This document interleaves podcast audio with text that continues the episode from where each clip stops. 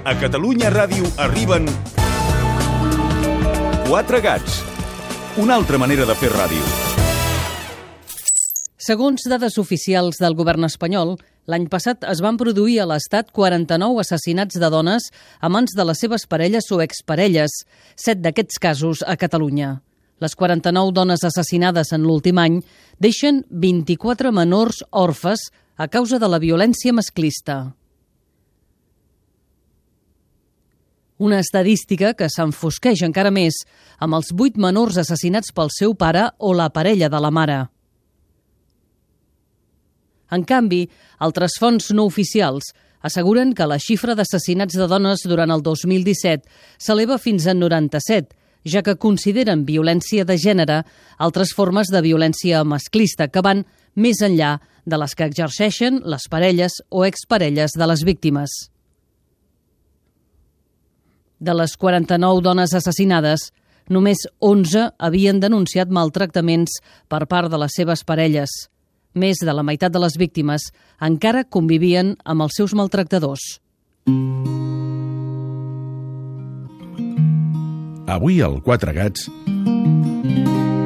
Violència de gènere. Parc de la Ciutadella, Barcelona. 11 del matí. Montserrat, bon dia. Bon dia. Com estàs? Bé, ara bé. Per què m'has demanat que féssim aquesta entrevista a l'aire lliure? Eh, esta entrevista, bueno, hablo en castellano porque así me expreso mejor. Eh, esta entrevista la he pedido en aire libre porque a consecuencias de mi enfermedad. Tengo una enfermedad que es la de enfermedades de sensibilidad central, se le llaman. Eh, yo tengo fibromalgia, fatiga crónica, sensibilidad química y algo de electro. Eh, digo al aire libre porque me trae consecuencias, están en ambiente cargados a consecuencia de mi sensibilidad química. I totes aquestes malalties que ara m'explicaves, d'on venen? Eh, precisamente la fibromalgia me viene desencadenada del último golpe que tuve con malos tratos de mi expareja. Montserrat Reyes ha estat víctima de maltractaments per part de la seva parella. És mare de tres fills. Quan van començar els maltractaments, Montserrat? Eh, yo creo que desde el principio, porque el principio siempre, o sea, a, los tres días, a los tres días ya empezó con un maltrato, primero psicológico, porque estas personas normalmente hacen el maltrato psicológico, y eh, después ya fue el físico. Eh, al principio entiendes que es por, le echas la culpa, bueno, es el alcohol, eres tú, culpabilizada tú siempre, o sea, siempre nos culpabilizamos nosotras de que tenemos la culpa de lo que nos hacen, ¿no? Vienen y te hacen un chantaje emocional súper brutal. No sé, es que te camelan, como digo yo, te camelan, te llegan a, a ofrecerlo todo, oye, mm, te llegan a, a, llorar, a pedir perdón mil veces, a que nunca volverán a hacerlo. Entonces tú vuelves a caer, caes siempre, mm, principalmente caemos por los niños. Tu senties una mena de, de compassió fins i tot per ell, l'entenies? Es que yo decía que la culpable era yo. O sea, yo quería ayudarlo porque yo sabía que su circunstancia pues no estaba bien. Entonces yo me sentía un poco más fuerte y creía que era la manera de ayudarlo. Eh, lo que te das cuenta es que por ayudar a una persona te has matado tú. A mí me ha quitado todo. Todo. ¿Tú estabas sola? Yo estaba sola, tenía un, un hijo grande que casi lo pierdo por esto, porque eh, no llegan a entender, y menos tu familia. Eh, yo me acuerdo que la primera aguanta, algo habrás hecho bueno, sí, no sé lo que habré hecho, pero no creo que nadie se merezca una aguantada por mucho que haga, ¿no? ¿Tú parlaves amb algú, això? Te cuesta. Encima tengo una familia un poco conservadora y es el hecho de que eh, es tu marido, es el padre de tu hijo. Es lo primero que te dicen. Entonces es un poco complicado decir, oye, pero que esta persona me está pegando, me está haciendo daño, eh, repercute a mis hijos porque lo están viviendo. O sea, es como un poco aguántate que las has elegido tú. I aleshores hi ha un dia en què tu vas prendre la decisió de denunciar-ho, això. Sí, es la decisión, me parece, y lo, lo voy a decir un poco fuerte, va a quedar un poco mal, pero siempre me maldigo muchas veces haber puesto la primera denuncia. En el momento que pongo la denuncia se me hace un mundo. A mí se, directamente, de, yo me acuerdo que de un juzgado se me lleva una disposición de mozos y de policía, se me lleva a mi casa, de ahí mismo no me dejan, o sea, suben primero ellos registrando toda la casa a ver si estaba el, bueno, esa persona, cogen a mis hijos y en ese momento se nos llevan a casa protegida. Te quitan todo. Te quitan todo porque en el momento que pones la denuncia, primero que te machacan a poner una denuncia, exagerada. Te machacan muchísimo a la hora de declarar, porque te hacen sentir culpable de todo. O sea, parece que estés ahí y encima tienes que excusarte 20.000 veces el por qué estás bloqueada, el por qué haces cosas que no, no, se, no se llegan a entender, ¿no? Ell al final va entrar a la presó. Sí, él entra en prisión, pero no por mí, por otros delitos por parte de él que no tienen nada que ver con violencia de género. Y ahí sí que le bajan nueve meses. Estando en la cárcel por unos delitos suyos, le baja y queda y él entra en prisión. A raíz de ahí, peor todavía. Para proteger a tus hijos tienes que irte. Me voy a Lleida y ahí, bueno, los primeros meses te ves desamparada total. Yo entonces me descentan en la fibromalgia y ahí se me empieza a medio hundir otra vez la vida. Entonces fue mi madre la que cuando vio que yo me estaba grabando muchísimo mi enfermedad, ya tenía fatiga crónica, ya tenía la sensibilidad química, se me cogió un piso en Pineda de Mar, gracias a mi madre y a la ayuda de, de mi familia. Entonces desde ahí se me empieza a llamar. Las últimas llamadas que es que va a tener permiso y que como tiene permiso y no tiene casa, que tiene que venir a mi casa y lo dejas entrar. Y bueno, ahí resulta que coge, voy a hacerlo contigo, es que si no lo has hecho, bueno, empieza con, la- con las discusiones esas, ¿no? Te coge el móvil, que se habla con este, que si eh, es que si lo haces con los demás no lo haces conmigo, bueno, bestialidades de estas y al final dices que pase lo que tenga que pasar. Entonces él se abalanza contra, eh, bueno, se abalanza a mí. Yo me quedo como, yo digo que me quedo como una muerta. En ese momento no sé, yo no sé qué, con perdón, qué gustazo les da cuando te ven muerte, cuando te ven llorando, ¿no? Pero él sigue. I et va deixar embarassada. Sí.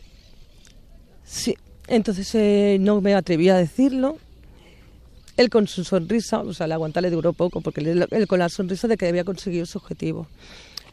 Entonces decidió abortar Avortar i denunciar-lo. y denunciarlo.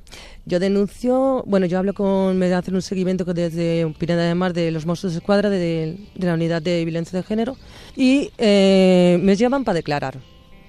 Cuando me llaman para declarar, la jueza me llega a decir que si aborto porque sé que el, el aborto es ilegal en España. En ese momento me quedo de cuadros. Y ahí empieza otra lucha mía. Nadie puede guardar vaso de cristal. ¿Cuántas gotas tienes que dejar caer hasta ver la marea crecer?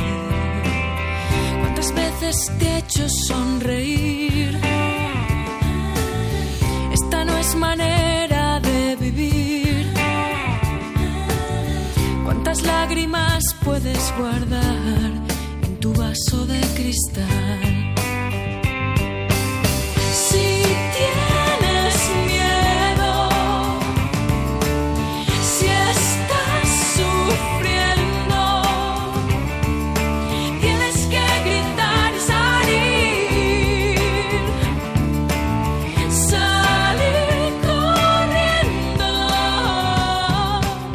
Aquest malson hi ha un dia que s'acaba, no?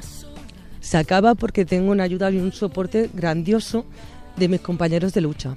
Es una forma de, de echarlos para atrás. Quiero darle la fuerza a muchas mujeres. Estamos muchas mujeres en la misma situación, muchas mujeres que se ven amenazadas y amenazadas ya no es por el, por el maltratador, porque si el maltratador lo tenemos fuera, después nos hacen lo que digo yo, el maltrato institucional es mucho más fuerte, el que no lo aguanta.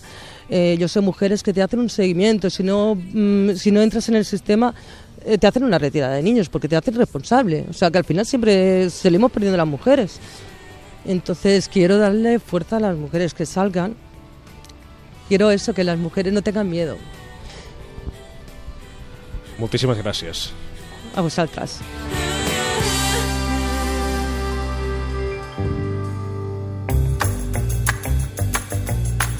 Lluís Gavaldà. Ep, què tal? Avui eh, encara corprès per aquests relats de vida que t'esclaien i, i et gelen el cor. No he tingut gaires problemes per, per trobar la cançó que, que vull compartir amb vosaltres. És una cançó de la Natalie Merchant, la cantant dels 10.000 maníacs, i es diu My Skin, i, i parla de, dels primers símptomes de que no t'estimen com et mereixes, no? Diu coses tan boniques com mira el meu cos, mira les meves mans, hi ha tantes coses que no entenc.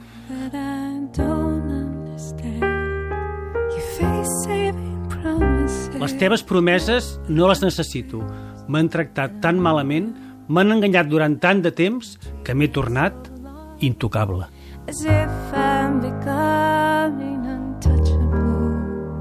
I'm slow dying fly. Soc la flor que mor lentament a les hores gelades. El dolç que es torna amargant i intocable.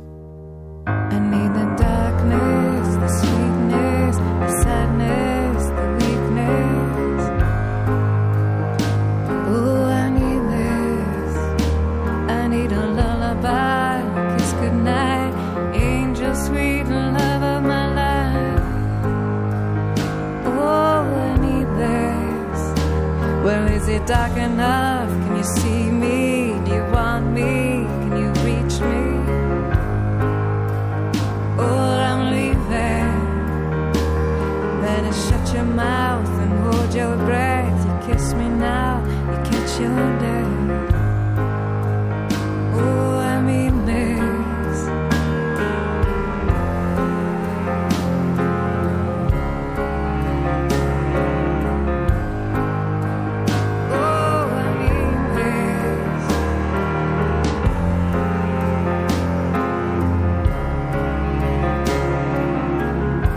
Quatre Gats del suplement d'avui, violència masclista.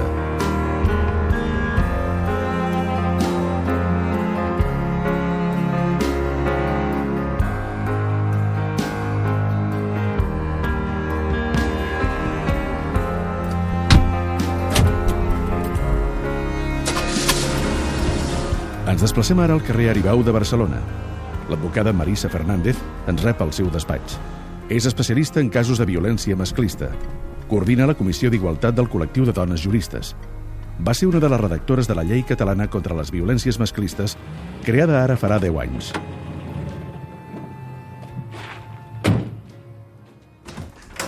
Marisa, bon dia. Bon dia. Em pots explicar què és la violència masclista? La violència masclista és la violència que perpetren i actuen els homes contra les dones pel fet de ser dones. Aquesta seria el tret diferencial. En tota violència masclista hi ha una situació de domini, d'abús de poder i de control. Quants tipus hi ha de, de violència masclista? De manera indefinida, podríem dir, hi ha la violència física, la violència sexual, la violència psicològica, violència econòmica, eh, violència laboral, assetjament... Hi ha molts tipus de violència. Jo diria que hi ha moltes més que no estan tipificades. O sigui, qualsevol acte contra la dignitat de la dona que causi un dany físic o psicològic és violència masclista per la característica de ser dona i amb una situació, com deia, de control i de, i de domini. Clar, no sé si al segle, al segle XXI, amb aquestes noves maneres de fer i les, les noves xarxes socials, per exemple, han nascut altres formes noves de, de violència masclista. Sí, l'assetjament a través de les xarxes és brutal, amb una certa impunitat que dona l'anonimat o que... Sí, és brutal, jo crec que es destapa moltes coses arrelades culturalment, històricament contra les dones. O sigui, trobar-te puta és o sigui, el gran insult, és puta i boixa, o puta o i. Aleshores, això es d'una manera molt cruel últimament. Hem tingut ocasió de, a Catalunya amb els actes de, de l'1 d'octubre i tot el que ha passat després amb el procés aquests i molts altres eh? Però han hagut missatges realment humiliants contra les dones catalanes. Humiliants. Marisa, quins passos ha de fer una dona que vulgui denunciar violència masclista? primer, evidentment hem d'anar a Mossos a posar una denúncia. Es pot posar al jutjat però sempre la manera habitual és Mossos. Nosaltres des de la nostra posició d'assessores intentem que els fets estiguin tipificats penalment. Ho dic perquè no tota la violència és delicte. Aquí hi ha molta més aparència de contingut aleshores el que no té sentit és fer una denúncia que acabarà amb arxiu de fet amb arxiu acaben entre nosaltres i l'altre gairebé el 50% que augmentarà la impunitat de l'home i que no portarà enlloc busquem, intentem que els actes, les actuacions s'incardinin amb el tipus delictiu de violència contra les dones, Mossos d'Esquadra, jutjat de violència, i aquí comença un calvari. Primer, la credibilitat de les dones. Per què posarà la denúncia? Tindrà un motiu ocult? I aquest és un, una barrera important. Després, als jutjats no hi ha una veritable formació sobre violència. Si fan un curset que diu de violència o d'igualtat de 16 hores online. Amb això ja se sabe todo. La llei integral estatal va preveure unitats de valoració forense integral amb persones especialitzades que tampoc estan implantades. Des del desconeixement del que és la violència de gènere, del que és la desigualtat, difícilment tenim eines per comprendre la dona. I hi ha un altre fenomen que ha sorgit els últims anys que es diu les denúncies creuades. Ara els homes acostumen, assessorats pels seus advocats, a anar a denunciar a veure qui arriba abans, no? Aleshores, es pot valorar igual una esgarrapada defensiva que uns hematomes o unes contusions. I es trobem amb la gran paradoxa que pot sortir una dona d'un jutjat de violència contra la dona amb una acusació penal. Una esgarrapada defensiva, per exemple, és valorada amb la mateixa intensitat que cops, que hematomes, que contusions. Això evidencia que el problema és estructural no? i que fins i tot afecta en el poder judicial. El problema és que eh, real de base és la discriminació de les dones i continua molt present. I la violència és la forma més greu d'aquesta discriminació. Fins que no ataquem les arrels, continuarà havent-hi violència masclista. Quizá te busquen porque naciste. Quizá te miran por mujer. Quizá te acosen porque creciste. Quizá te odien por mujer. Hi ha una llei catalana eh, contra les violències masclistes aprovada pel Parlament de Catalunya el 2008 que se'n parla, se'n parla molt. Em podries explicar què és i per què serveix? La llei catalana eh, es va fer per tenir una concepció més àmplia de les violències, per crear serveis de fet, abans de la llei catalana, a Catalunya hi havia molts pocs serveis d'atenció. La llei va tenir la virtut de crear-los, de manera que cap eh, govern per decret el pugui canviar si no és per Parlament, de tenir una llei molt progressista per definir diferents formes de violència. La violència no és només, segons la llei estatal, la violència de gènere, que és la que t'infligeix l'home pel fet de ser dona, o, o la teva parella, vull dir, sinó que és una concepció molt més àmplia, va crear serveis, va, es va aprovar per unanimitat, va intervenir totes les associacions de dones, associacions que van voler. Què passa? Que no tenim competències en tema penal. Per tant, les lleis que tipifiquen delictes i que creuen els jutjats de violència són lleis estatals, no són catalanes. Normalment, sempre que hi ha, que hi ha una llei, veiem com es desincronitza a vegades amb, amb la gent, no? amb la societat.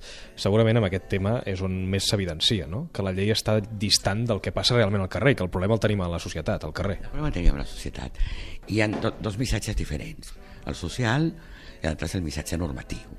Doncs aquí es produeix la col·lisió fins que la societat no admeti de manera absoluta, reconegui, millor dit, els actes de violència contra la dona, no lligarem els missatges. És a dir, tothom pot estar d'acord en que matar o pegar una dona és, és una cosa dolenta, és un delicte, però no tothom està d'acord amb altres aspectes. Hem avançat molt, eh? No vull donar un missatge negatiu, hem avançat molt. I després també, segurament, que, que moltes dones que denuncien, que fan el pas, són vistes amb recel per la mateixa societat, no? És molt difícil que el procediment judicial segueixi el procediment vital de la dona i, per tant, que repari. És difícil, no impossible, però molt difícil. Molt. El juliol de 2017, els grups parlamentaris van acordar un pacte d'estat contra la violència masclista que va ser qualificat d'històric. Preveia 213 mesures i un pressupost de 1.000 milions d'euros en 5 anys. Però fins a finals de 2017 no s'han concretat les primeres 26 mesures per lluitar contra aquesta lacra social que s'apliquen a partir d'aquest 2018. La Marisa Fernández, que avui ens rep al seu despatx, va ser una de les peces claus de la llei catalana. Marisa Fernández, moltíssimes gràcies. A vosaltres, gràcies.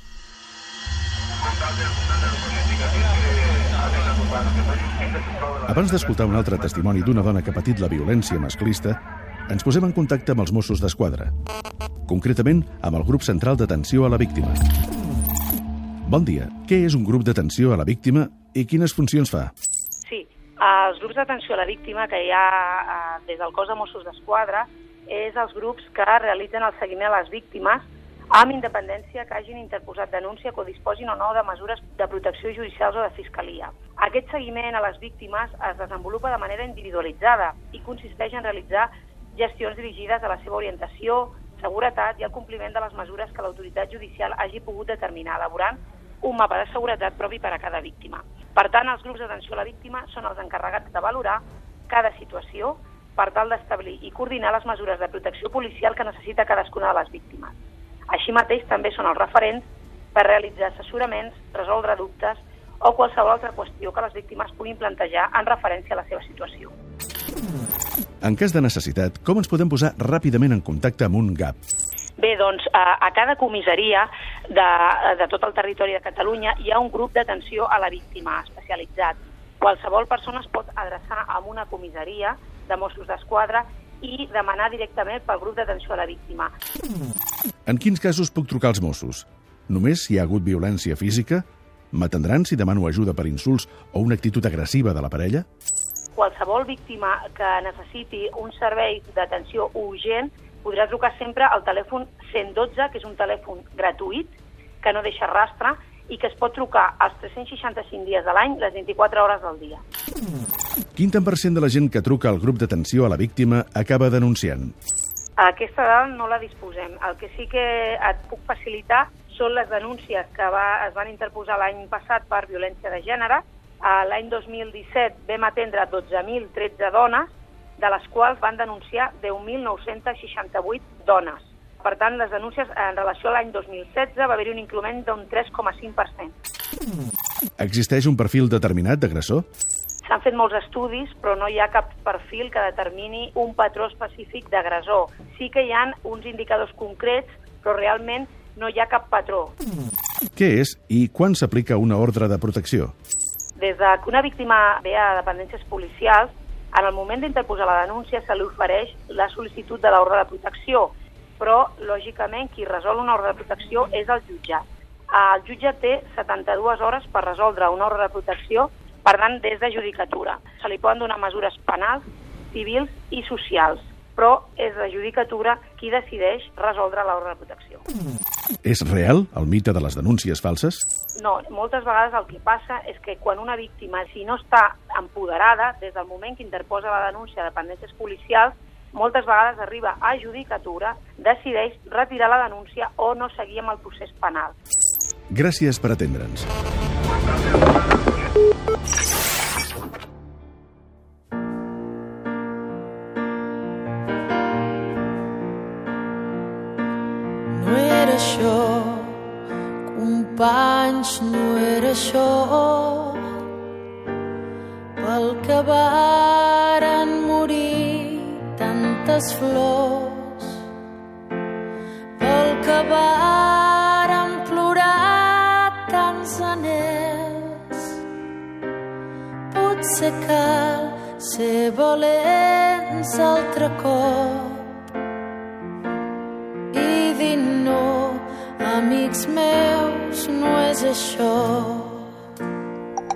Castelldefels, 11 del matí.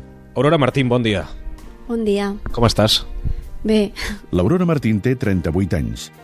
Quan tenia 6 anys, va ser víctima de maltractaments i abusos sexuals per part d'un familiar. No és això, companys, no és això.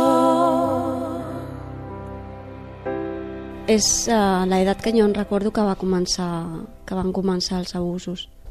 Va ser del teu tiet? Sí, del meu tiet a, en primer lloc, perquè va ser el que més mal em van fer. Però va haver-hi més gent. Sí, sí, hi, ha, hi havia va, uns cosins que eren nebots de la, de la meva àvia, van ser tres cosins, i el meu tiet i el meu, i el meu avi. Fins quan ho vas suportar, això? Bueno, ho vaig suportar des dels 6 fins als 10 ho vaig suportar perquè era allà, o sigui, no podia sortir de la situació. I no deies res a ningú, no? No, no podia parlar. No podia parlar perquè jo crec que estava bloquejada. No, no em sortien les paraules. Era incapaç de parlar, o sigui, normalment no, no parlava, o sigui, estava callada. No se m'ocorria mm, parlar d'aquests temes perquè era una cosa habitual i jo sentia que les coses no, no estaven sent normals, que la situació no, no era normal, o sigui, que, que no entrava d'entrada d'una família normal, com les meves amigues, i llavors pues, jo callava. Senties bloqueig, senties incomprensió, senties dolor? Bloqueig. Ho disfressava amb, amb, pues, amb coses d'una nena, pues, que pensa una nena pues, en jugar, pensava pues, en passejar perquè veiem unes barraques, feia de nena, no? I l'entorn com et veia, tu? Mm, Bueno, és que ja érem diferents, el meu germà i jo a la classe, o sigui que eren diferents perquè no portaven el material, tenien conductes rares, Tu venies, de fet, d'una família eh, amb una situació de desestructurament, no? vivíem en barraques. Jo el que recordo és que quan estàvem sols en la barraca amb la meva mare no, no hi havia de menjar, o sigui, pues agafàvem fruits d'un arbre o, o anàvem a menjar a qualsevol lloc, o sigui, és que no teníem a casa d'un veí o hi havia unes, unes residències i allà anàvem a menjar. Tras tantos años, quiero romper el silencio que he mantenido durante décadas y deshacerme de la cadena que ha tenazado todo mi ser desde que el recuerdo de lo sucedido emergiera desde lo más profundo de mi pensamiento. Cuando pienso en todas las personas que han pasado y siguen pasando por la misma situación, la sola esperanza de que mi experiencia pueda ayudarlas a entender, a pasar página, a seguir los pasos de aquellas que ya han dado un paso al frente, me anima a seguir adelante. Aurora Martín, Mi realitat invisible. Fa un parell de mesos que has començat a escriure aquest blog del qual ara n'hem escoltat eh, l'inici per explicar aquests abusos que vas patir quan eres una nena. Això per què ho has fet ara i no fa uns quants anys? No sé, perquè penso que tot arriba quan ha, quan ha d'arribar. Sento bé fent-ho. Recordes el dia que vas trencar el silenci? Bueno, primer eh, ho parlàvem amb les meves cosines de, peti bueno, de petites, pues érem adolescents. Llavors amb elles sí que parlava, no? I a, a tu t'ha passat això amb, amb, amb, amb el tiet? Sí, a mi em va fer això i em va passar això. Amb elles sí, i quedava entre nosaltres.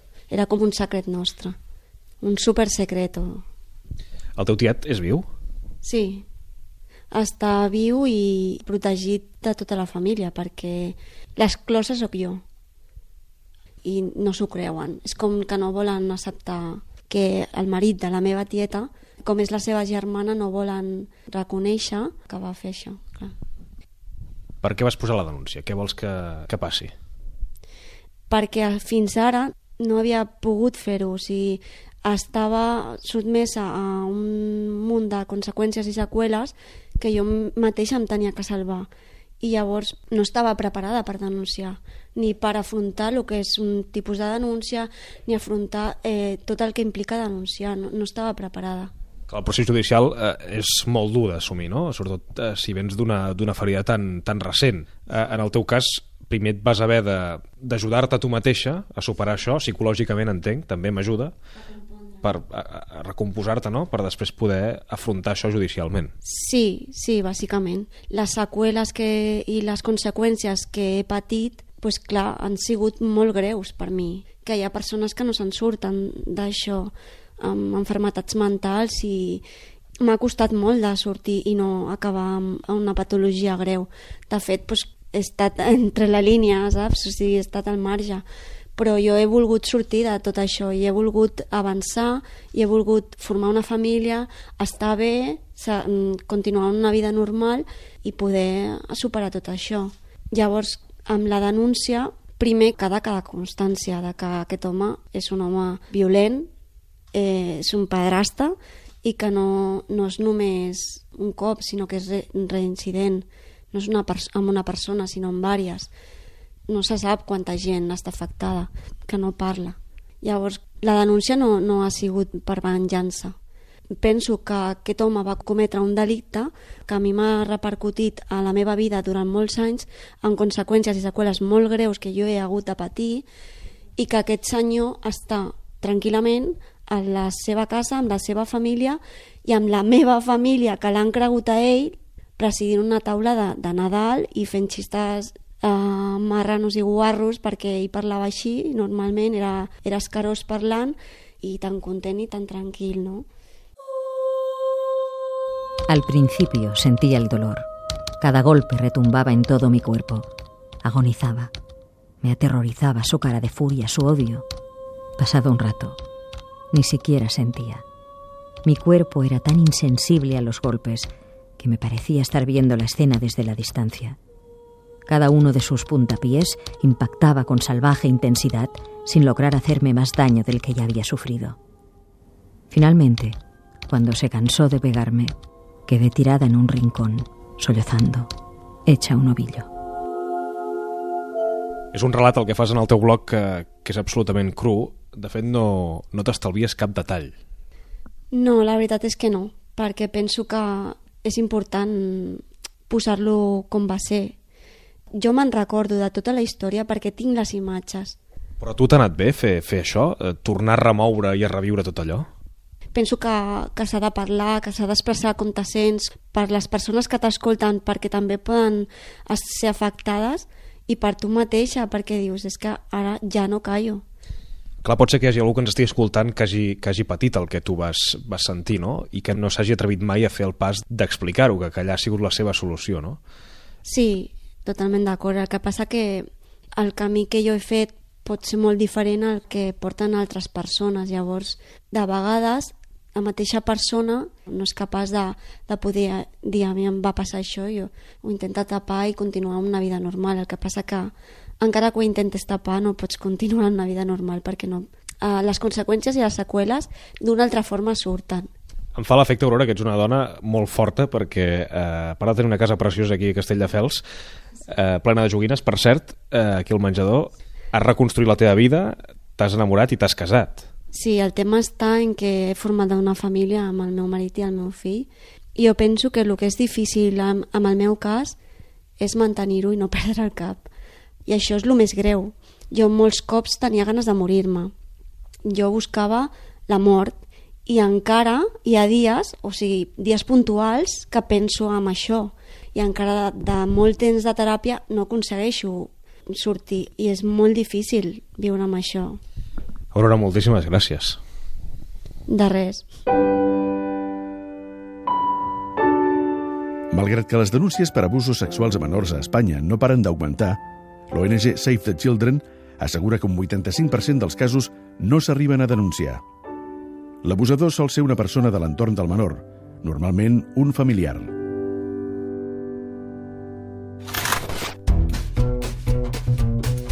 Joan Uller.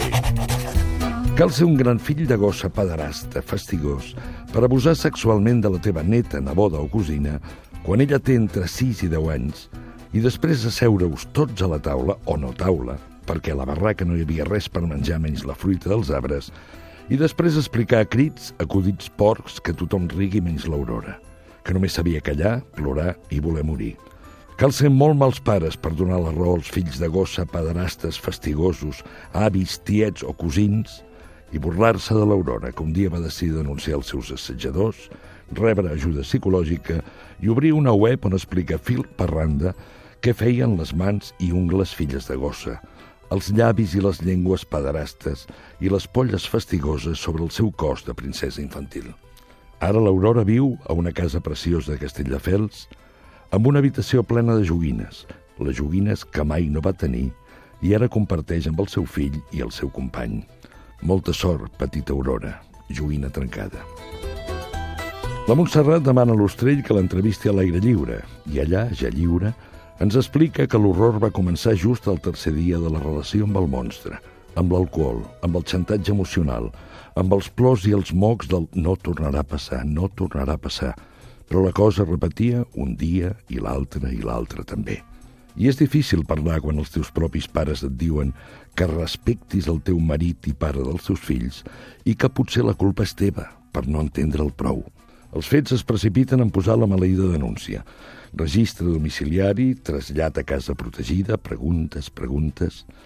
El marit entra en presó per altres delictes. Ella fuig a Lleida, on se li manifesta la fibromiàlgia, la fatiga crònica i la sensibilitat química que l'han dut a demanar a l'Ostrell una mica d'aire lliure. Es refugia a Pineda de Mar. El marit surt de la presó i en no tenir casa s'instal·la a casa d'ella. Li vigila el mòbil, la deixa embarassada. Ella avorta, torna a denunciar i la jutgessa l'adverteix que la interrupció de l'embaràs és il·legal a Espanya. Frase de la setmana. Pots entrar al jutjat a posar una denúncia i sortir-ne culpable. Deures per la setmana entrant. Entrevistar un assetjador sexual.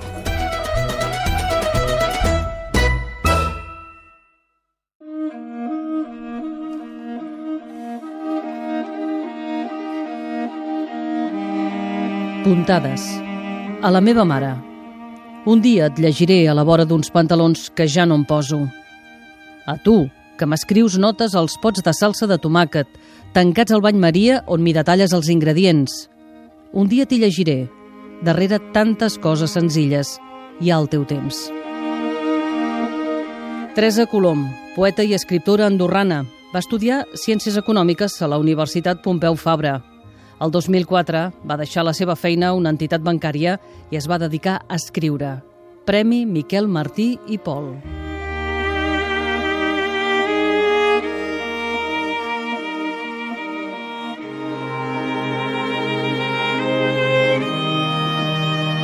Avui hem dedicat tot el programa a totes les mares, àvies i filles.